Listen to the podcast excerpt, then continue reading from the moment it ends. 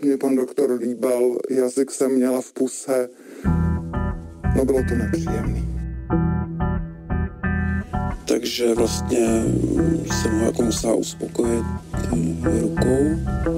No a pak ještě teda jako točila hlavu teda do rozkroku. Další ženy zveřejňují svědectví o údajném nevhodném chování a sexuálním obtěžování ze strany známého psychiatra Jana Cimického. Případy podezření ze sexuálního napadení, o kterých informovala Česká televize v pořadu 168 hodin i další média, se tento týden začala zabývat i pražská policie. Informace o chování vlivného lékaře začaly vyplouvat na povrch poté, co prezidentská kancelář oznámila, že Miloš Zeman udělil Janu Cimickému vyznamenání za zásluhy o stát v kultuře. Co všechno se prostřednictvím svědectví dozvídáme? A proč se případu začala věnovat pozornost až teď, byť se první varování obětí objevilo už před 20 lety? Je středa, 10. listopadu. Tady je Lenka Kabrhelová a Vinohradská 12. Spravodajský podcast Českého rozhlasu. Pražský hrad večer zveřejnil seznam 29 laureátů na státní vyznamenání. Z lékařů je mezi oceněnými například psychiatr Jan Cimický. by podle premiéra Andreje Babiše neměl dostat státní vyznamenání, o kterém koncem října rozhodl prezident Miloš Zeman.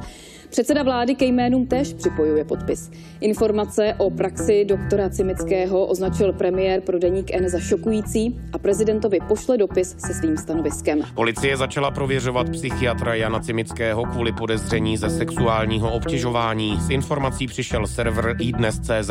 Mluvčí pražské policie Jan Daněk z pravodajskému serveru iRozhlas.cz řekl, že se policie případem zabývá na základě informací z médií mohu potvrdit, že jsme na základě informací, které zazněly v médiích, začali situaci prověřovat. To znamená, začali jsme zjišťovat, zda došlo k trestnému činu či nikoliv. Zuzana Černá, reportérka pořadu 168 hodin České televize. Dobrý den. Dobrý den.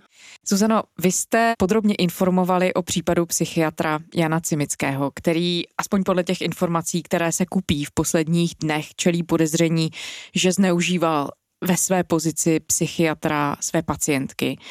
Jak důležitý případ to je, čím se vymyká z toho, co jsme dosud v českém veřejném prostoru v tomhle ohledu zaznamenali?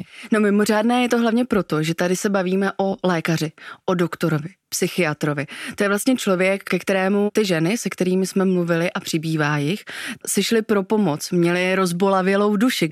A místo toho, aby se dočkali pomoci, tak naopak on jim zasadil v uvozovkách tu další ránu. On je ještě víc srazil na kolena a ten jejich problém neřešil, i když mohl být úplně jiný, ale naopak oni s ním mají ten problém o to větší, často si to nesou až do dnes. Jako první otevřela to téma po oznámení laureátů státních vyznamenání 28. října zpěvačka Jana Fabiánová. Můžete připomenout, co v tu chvíli vyšlo najevo, co celou tuhle kauzu rozpoutalo? To byl vlastně úplně ten klíčový moment, protože kdyby 28. října hrad nezveřejnil jméno Jana Cimického jakožto vyznamenaného u příležitosti státního svátku, kdyby psychiatr Jan Cimický neměl být oceněný medailí za zásluhy o stát, tak jsme se to možná vůbec nedozvěděli, protože Jana Fabiánová tehdy napsala na Facebook, že ona má zkušenost s Janem Cimickým takovou, že on ji sexuálně napadl. Ona to řekla už o několik dní dříve, v polovině října, v pořadu 13. komnata, ale tam ještě nejmenovala. Já jsem na druhém sezení, on mě v podstatě sexuálně napadl. Na druhém sezení u něj v ordinaci podstatě použil trošku i násilí a já jsem se mu nějak vytrhla a utekla jsem. Už tak to bylo velmi drsné svědectví, ale tam nezaznělo to jméno. A teď už to spojení s oceněním bylo tak silné, že ona pojmenovala Jana Cimického jako toho, kdo ji napadl. Můžeme popsat, jak vlivnou osobou v rámci toho systému psychiatrické péče Jan Cimický byl, nebo dokonce ještě je, a vůbec jakou pozici zastává v českém veřejném prostoru. Co vedlo až k tomu, že se ocitl mezi těmi oceněnými na seznamu prezidentské kanceláře? Jan Cimický je tak jak jsem nabyla dojmu o něm, tak on je nebo byl do velmi krátké doby před tím, co tady spolu teď hovoříme, tak brán za tu populární postavu, za psychiatra, který má vždy ke všemu co říct. Je to dnes 73-letý muž, který vystudoval lékařskou fakultu na Univerzitě Karlově. Od začátku měl blízko psychiatrii a proto taky už na počátku 80. let nastoupil do psychiatrické léčebny v Bohnicích. On tam až do roku 96 byl primářem socioterapeutického a rehabilitačního oddělení, takže měl poměrně silnou pozici. Nejsem tady sám ve studiu, mám tu hosty, které určitě dobře znáte. A to jednak jako přední odborníky na psychiatrii, ale také, a to je dnes pro nás důležité, jako známé popularizátory světa lidské psychiky, abych tak řekl. Doktor Jan Cimický, primář socioterapeutického oddělení. Mluvíme o politice nebo o tom, co vlastně člověka formuje. Jednak nás jako jedince, v tom, jak budeme my jako tedy lidé političtí, jako zón politikon, vnímat svět a také, jak ten okolní svět na nás bude působit.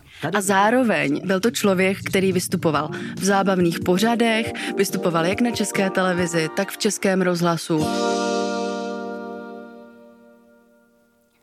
Hezký podvečer, vážení posluchači. Prožívám teď takový zvláštní pocit.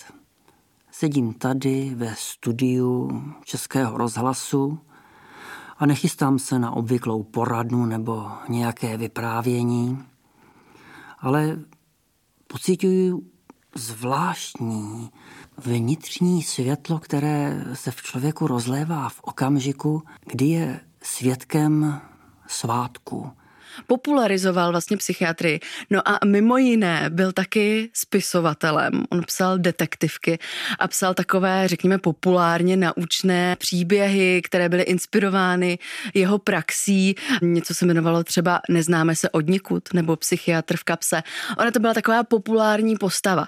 Ale co jsem nabila naopak dojmu z té odborné veřejnosti, tak Zdeněk Bašný, tedy také velmi známý psychiatr, tak nám řekl, že moc neví, jak to, že pan Cimický má získat státní vyznamenání, protože ta odborná obec by ho na vyznamenání vůbec nenavrhla. Zdeněk Bašný zároveň byl jeho nadřízeným v psychiatrické ano. léčebně v Bohnicích. On sám zaregistroval takové chování? zaregistroval. Bylo to právě asi v té první polovině 90. let, tam bych se nerada mýlila, ale zapadá to do toho časového rámce. On, když s ním kolega Martin Mikula hovořil, tak on velmi otevřeně popisoval to, jaké zprávy měl o Janu Cimickém. Přímé výpovědi od těch žen nebyly, takže spíš to byli lidi z blízkosti těch lidí, kterým oni se svěřovali a stěžovali si na to jednání. Mluvil konkrétně o dvou stížnostech, které došly až k němu. Háček byl v tom, že ani jedno nebylo přímé svědectví ženy, které by se to dělo. Vždycky to pocházelo od blízkých těch žen, od rodin a v jednom případě se dokonce dotazovala zdravotní pojišťovna, jestli metody jako to, že Jan Cimický, co by psychiatr, sahá na ženy ve své praxi, tak jestli to je výkon, který má zdravotní pojišťovna hradit. Ale pan Bašný o tom věděl.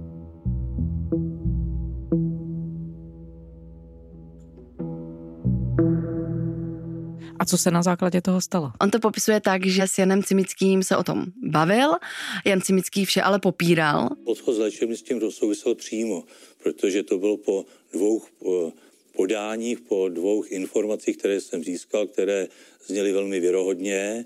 Eh, kolega Cimický to popřel, že by to takto probíhalo, ale ty výpovědi byly obdobné, popis byl schodný, jako jsou popisovány v podstatě teď v médiích. A došlo to k tomu, že se dohodli, že Jan Cimický opustí to místo primáře a opustí i bohnickou léčebnu. Vy jste pro pořad 168 hodin, potom mluvila se třemi zneužitými ženami. Jaké jsou jejich příběhy? Drsné. Všechny ty příběhy spadají do doby před lety. Nejsou to příběhy aktuální, to je potřeba říct. A spadají jeden tedy do konce 80. let, dva z nich do druhé poloviny 90. let. Ležela jsem na lehátku, dal mi tam řadu jehliček a pustil takovou relaxační hudbu, tak jsem tam jako chvíli ležela a pak přišel a uh, začal mě hladit po prsou, jako obou prsou střídavě a ptal se mi, myslím přitom, jestli se mi to líbí. A jako po tomhle tom, teda co se stalo, jako že jsem jako orál, orálně ho teda musela uspokojit, tak já jsem se jako, jako vyzvracel, že jsem udělal špatně. No, tak on se tomu jako, jako spíš smál, jako s tím, že prostě ježiš holka, na to si jako, to jako, na to si zvykneš a dal mi prostě přednášku o tom, jak je sperma eh, strašně zdravý. Když jsme mluvili s těmi ženami, které navštěvovaly Jana Cimického už v jeho soukromé praxi, to znamená příběhy z 90. let, tak ty scénáře byly jako přes kopírák. Všechny tři nám vlastně popsali to, že už na druhé schůzce s panem Cimickým došlo k tomu, že on je vyzval, aby se svlékli do půly těla a začal je ošahávat na prsou. A následně je začal líbat. A to tím způsobem, oni to popisovali velmi surově. Oni říkali, strčil mi jazyk do pusy. Pak už si pamatuju jenom, že jsme stáli v té místnosti a on se mě k sobě jako přitáhl a začal mě líbat a dávat mi jazyk do pusy. A to trvalo, já to neumím zpětně říct, jak dlouho, ale dost dlouho na to, abych z toho byla úplně vyřízená. A v tomhle ty příběhy jsou si velmi podobné.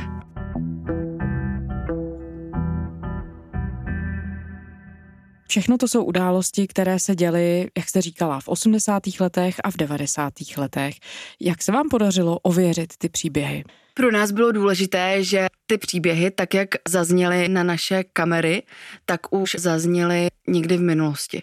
Ne sice ještě veřejně, ale pro blízké těch lidí a pro třeba sexuology, ke kterým potom ty ženy došly. Odvedl mě do jako jiného pavilonu, tam se jako aplikovaly elektrošoky a mm, začal mi jakoby vysvětlovat, jak se léčí elektrošoky. Začal mi přikládat různý, nevím, jak to nazvat, diody jako ke spánkům.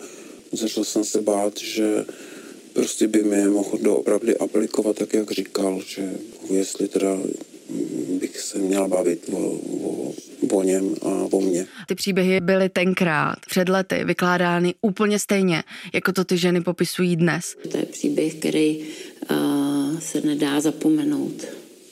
Čili můžu potvrdit, že uh, klientka uh, mi v ordinaci tenhle příběh v 90. letech vyprávěla což dává důvod k tomu si myslet, že si to teď nevymysleli najednou, protože by to bylo, řekněme, módní, tak jak se třeba objevuje v některých diskuzích na Facebooku, kdy to ty lidi spochybňují, že ty ženy najednou si vzpomněly.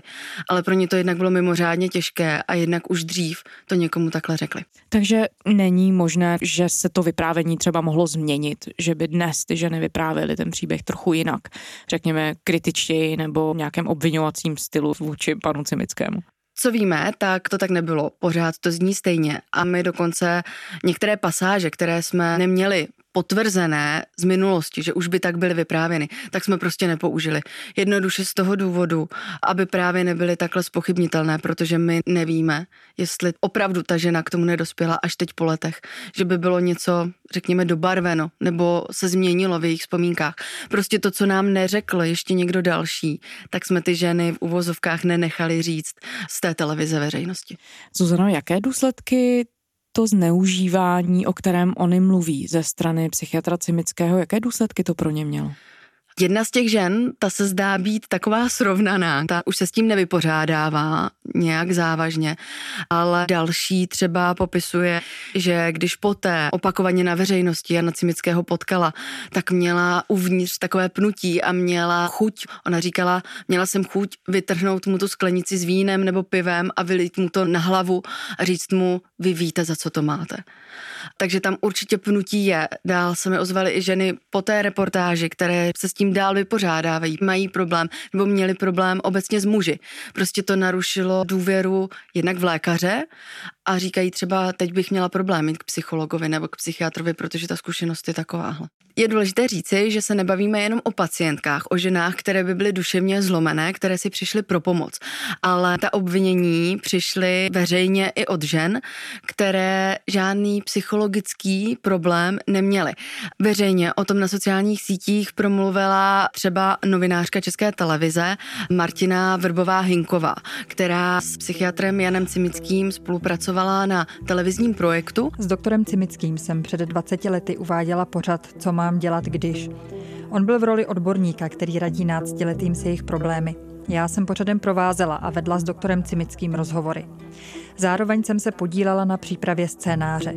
A právě při přípravě jednoho dílu tohoto pořadu jsem od doktora Cimického potřebovala doplňující informace. Navrhl mi, abych se za ním zastavila u něj v ordinaci. A když ona ho prosila o konzultaci ještě o nějakém tom dílčím případě, kterým se tam měli zabývat, tak si ji pozval k sobě do ordinaci a tam se stalo úplně to stejné, jako jsme se o tom bavili. Doktor Cimický mě krátce po příchodu napadl. Povalil mě na sedačku, kde mě začal osahávat na prsou a líbat. Ve chvíli, kdy se mi podařilo ho na chvíli odstrčit, začal recitovat jednu z jeho básní. Byla jsem v naprostém šoku. Po nějaké době se mi podařilo z ordinace utéct a v panice doběhnout na autobus. On ji prostě začal osahávat, zaútočil na ní a jí se teda podařilo po nějakých peripetích z té ordinace utíct a skončit s tím projektem a s Janem Cimickým už dál nespolupracovat.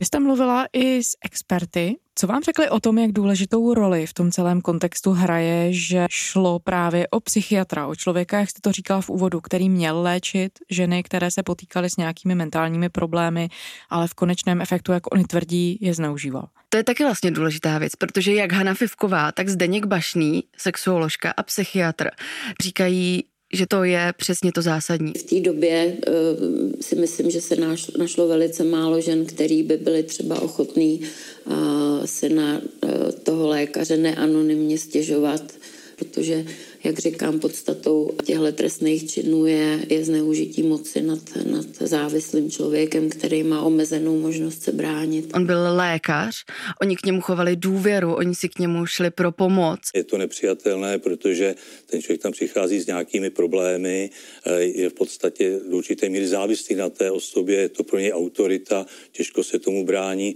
proto i náznaky takovéhoto jednání já považuji za nepřípustné. Navíc byl v té nadřazené roli, protože byl psychiatrem, měl ten bílý plášť, měl tu autoritu. Tohle to si prostě lékař nesmí dovolit. Tím on se spronevěřuje tomu, co vlastně sliboval, když se chtěl stát lékařem. On měl pomáhat lidem a naopak využil tu jejich tíživou situaci, kterou prostě si oni přinesli k němu a doslova je zneužil.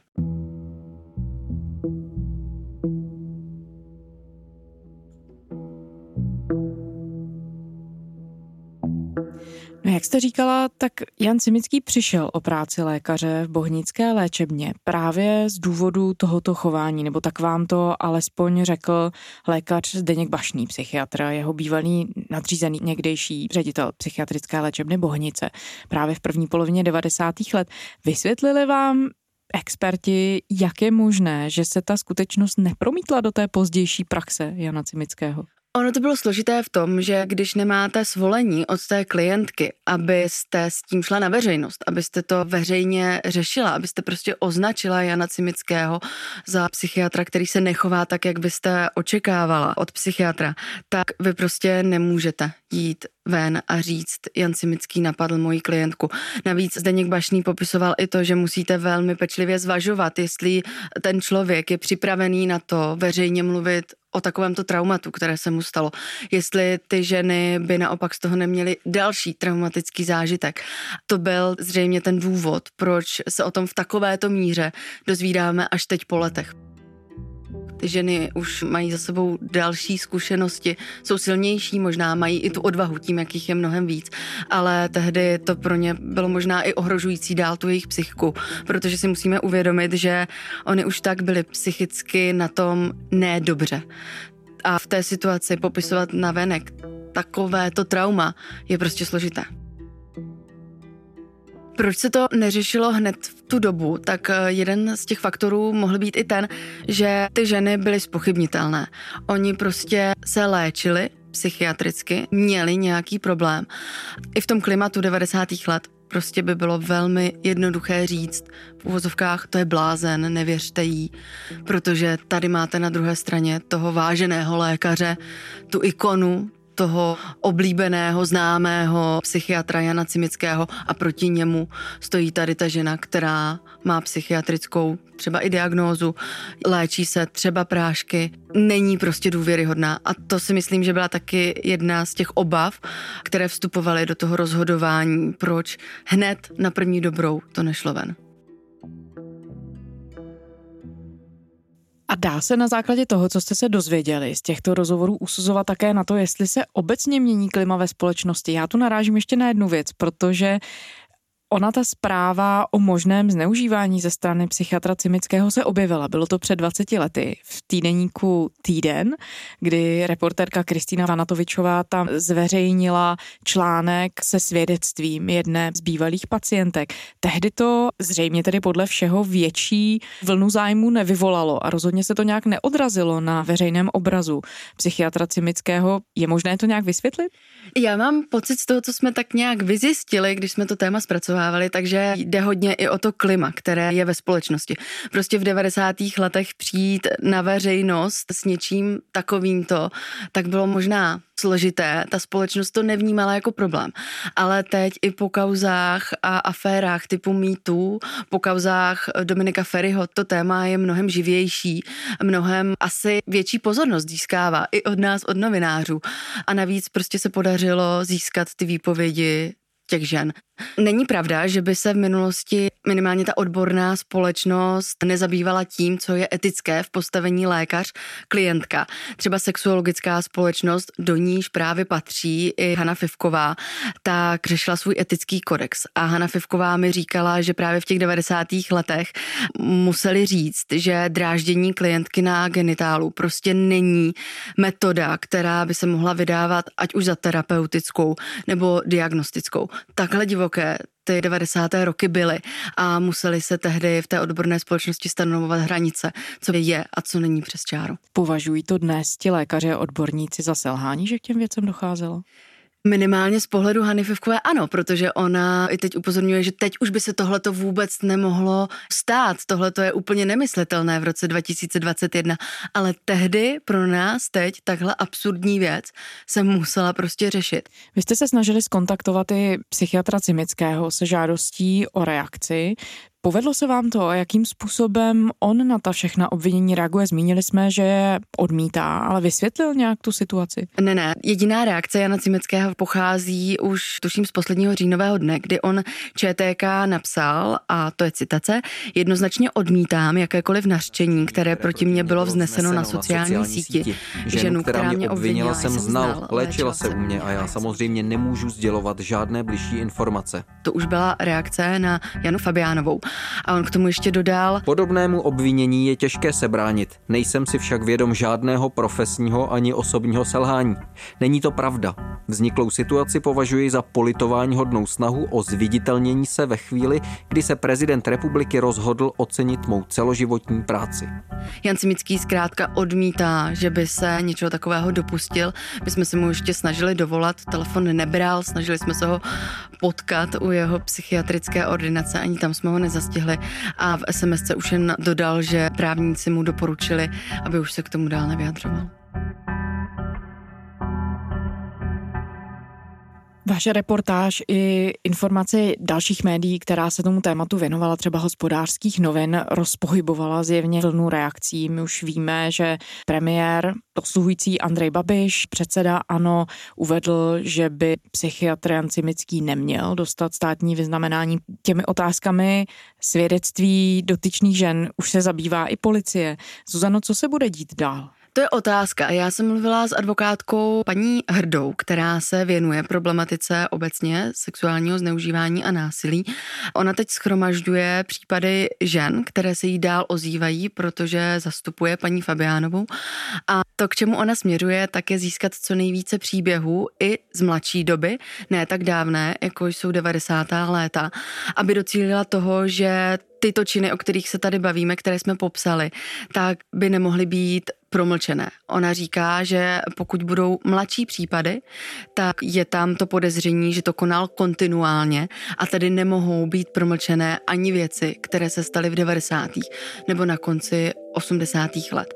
Takže to je cesta, která by v budoucnu možná mohla dojít až k soudu. Samozřejmě bude záležet na to, jak to vyhodnotí policie a jak se jí podaří najít další příběhy a další svědectví dalších žen. Ale měli bychom říct, že v tuhle chvíli tedy pan Cimický žádným obviněním nečelí. Ne. Zuzana Černá, reportérka pořadu 168 hodin České televize. Děkujeme za rozhovor. Díky moc za pozvání. A to je ze středeční Vinohradské 12 vše. Všechny naše epizody najdete na serveru iRozhlas.cz, v podcastových aplikacích a také v aplikaci Můj rozhlas, kde je všechno další rozhlasové audio. Psát nám můžete na adresu vinohradská12 zavináč rozhlas.cz. To byla Lenka Kabrhelová. Těším se zítra.